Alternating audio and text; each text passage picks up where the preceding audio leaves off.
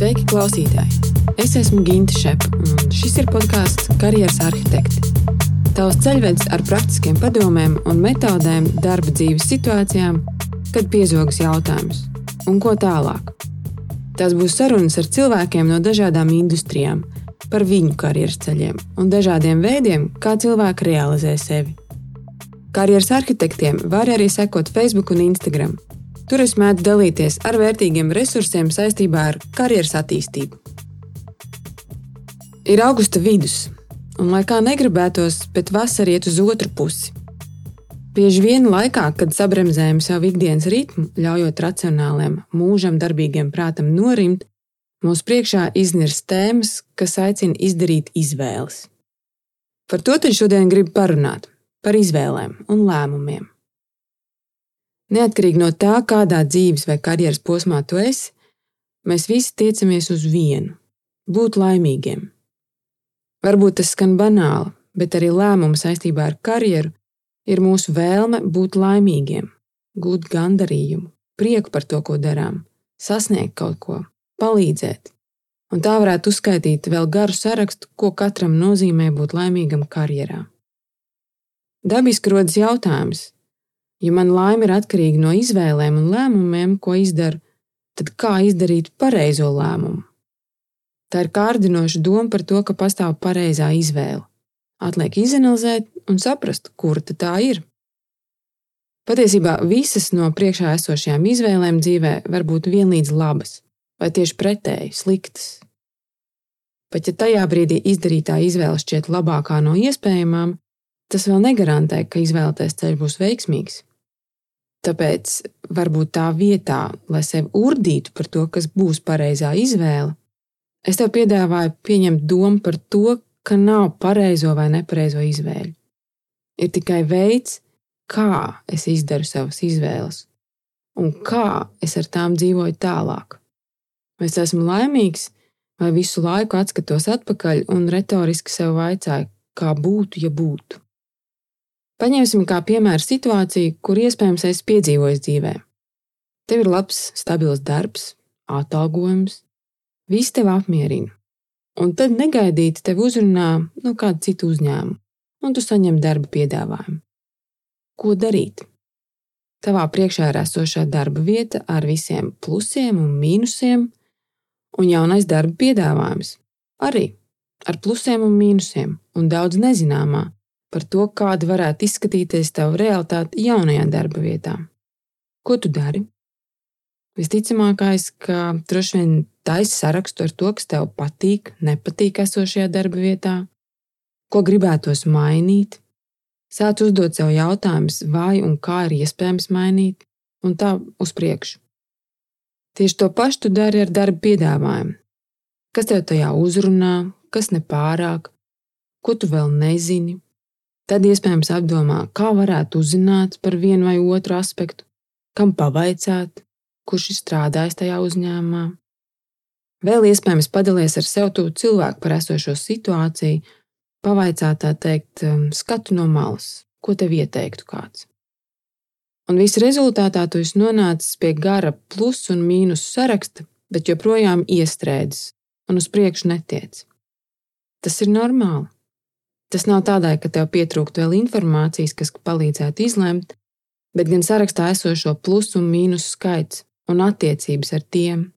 Proti, kas tad pa īstam tev ir svarīgi un kāda ir vērtība attiecīgajiem plusam vai mīnusam ceļā uz laimi. Noliec sarakstu malā. Lai izvēlētos gudri, ir jāsaprot, kā darbojas smadzenes situācijās, kad jāizdara izvēle. Par laimi mēs dzīvojam laikā, kad tiek veikti neskaitām pētījumi par cilvēku smadzeņu darbību. Un nu jau var teikt, ka tālajā 1990. gadā divi psiholoģijas profesori, Džons Maiers un Pīters Salovejs, nāca klajā ar jaunu konceptu - emocionālā inteligence. Ar to pamatojot, ka cilvēku veiksmes, sasniegumu un laimes pamatā emocionālā inteligence ir tāda pati, ja ne vēl lielāka loma kā intelektam. Pētījuma rezultātā atklājās, ka smadzeņu centrs, kas palīdz pieņemt lēmumus, atrodas primitīvo smadzeņu daļā. Un tā kā tā nav savienota ar verbālajiem centriem, Tā nekomunicē ar vārdiem, tā neracionalizē, bet gan ar sajūtām, to, ko tautā mēdz dēvēt par intuīciju, vai vēl kādreiz mēs mēdzam teikt, tas vienkārši ir čuvis. Tā ir dzīves laikā uzkrātā pieredze, atmiņas par to, kas ir strādājis labi un kas nē. Jau iepriekš minētie profesori, Maijers un Salovējs to sauc par emociju gudrību, kas ir pieejama mums katram. Lai izdarītu gudras izvēles, ir jāpiekļūst emocijām un jāvēro savas reakcijas uz vienu vai otru alternatīvu, par kuru gribam izdarīt izvēli. Tas nenozīmē, ka viss iepriekš paveiktais, ieguvumu un zaudējumu analīze ir bijis liekas. Nē, taču, kad smadzeņu frontālais korteks ir izdarījis savu darbu, salistējis, izveidojis sārakstus, salicis plusus un mīnusus, mums vajag pieslēgties savam emocionālās inteliģences centram, kur labi informētās emocijas, gluži kā uzticams ceļabiedrs, izved cauri brikšņiem. Kad brikšņi ir izbristi, tava intuīcija ir devusi ziņu un izvēles starp alternatīvām izdarīt, tad pavadi dienu tā, it kā jaunā realitāte būtu jau iestājusies. Tev nav par to jāsaka kādam vai jāstāst par savu pieņemto lēmumu. Tas ir tavs, un tev ar to šobrīd ir jādzīvo. Pat ja turpini darbu esošajā darba vietā, mēģini iztēloties, kā tas būtu, ja tā vietā tu esi pieņēmis lēmumu par jauno piedāvājumu no citu uzņēmumu. Vēro sevi, savas emocijas, ko te nozīmē atstāt komandu, kurā esi šobrīd. Cik nozīmīgs un svarīgs ir bijis tavs veicamais darbs? Ko tu jūti, kad iztēlojies sevi kā daļu no jaunas komandas? Ar ko tu sāksi, kas būs tavs pirmās rīcības, uzsākot jauno darbu? Piefiksē, kas tev rada patīkamas emocijas, kas nedrošība vai trauksmi. Nedara neko ar to. Iespējams, var veikt kādas piezīmes priekš sevis vēlākam. Un tad, vēl pēc dienas, atcauc atpakaļ savas emocijas, ko radīja tava iespējamā jaunā realitāte. Tev vajadzētu būt jau skaidrākai sajūtai, vai spēsi dzīvot ar izdarīto izvēli. Ja tā, tad atlaid domu par to, ja nu es kļūdos, ja nu otra alternatīva tomēr bija pareizāka. Atcerieties, ka alternatīva pati par sevi vēl nav labāka vai sliktāka. Tikpat labi konkrētajā piemērā par to, vai palikt esošajā darbā vai mainīt pret citu, neviena no alternatīvām tevi nedarīs laimīgu. Varbūt tava labākā alternatīva ir uzsākt kaut ko savu. Laime var būt arī atstāt to, kas tev vairs nav vajadzīgs.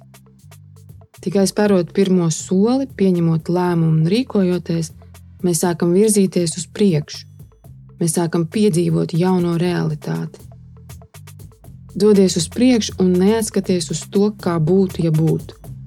Tev priekšā būs vēl daudz situācijas, kur varēs izdarīt ar vien jaunas izvēles. Izvēles, kas ļaus izvēlēties būt laimīgam. Tiekamies pēc nedēļas. Atā!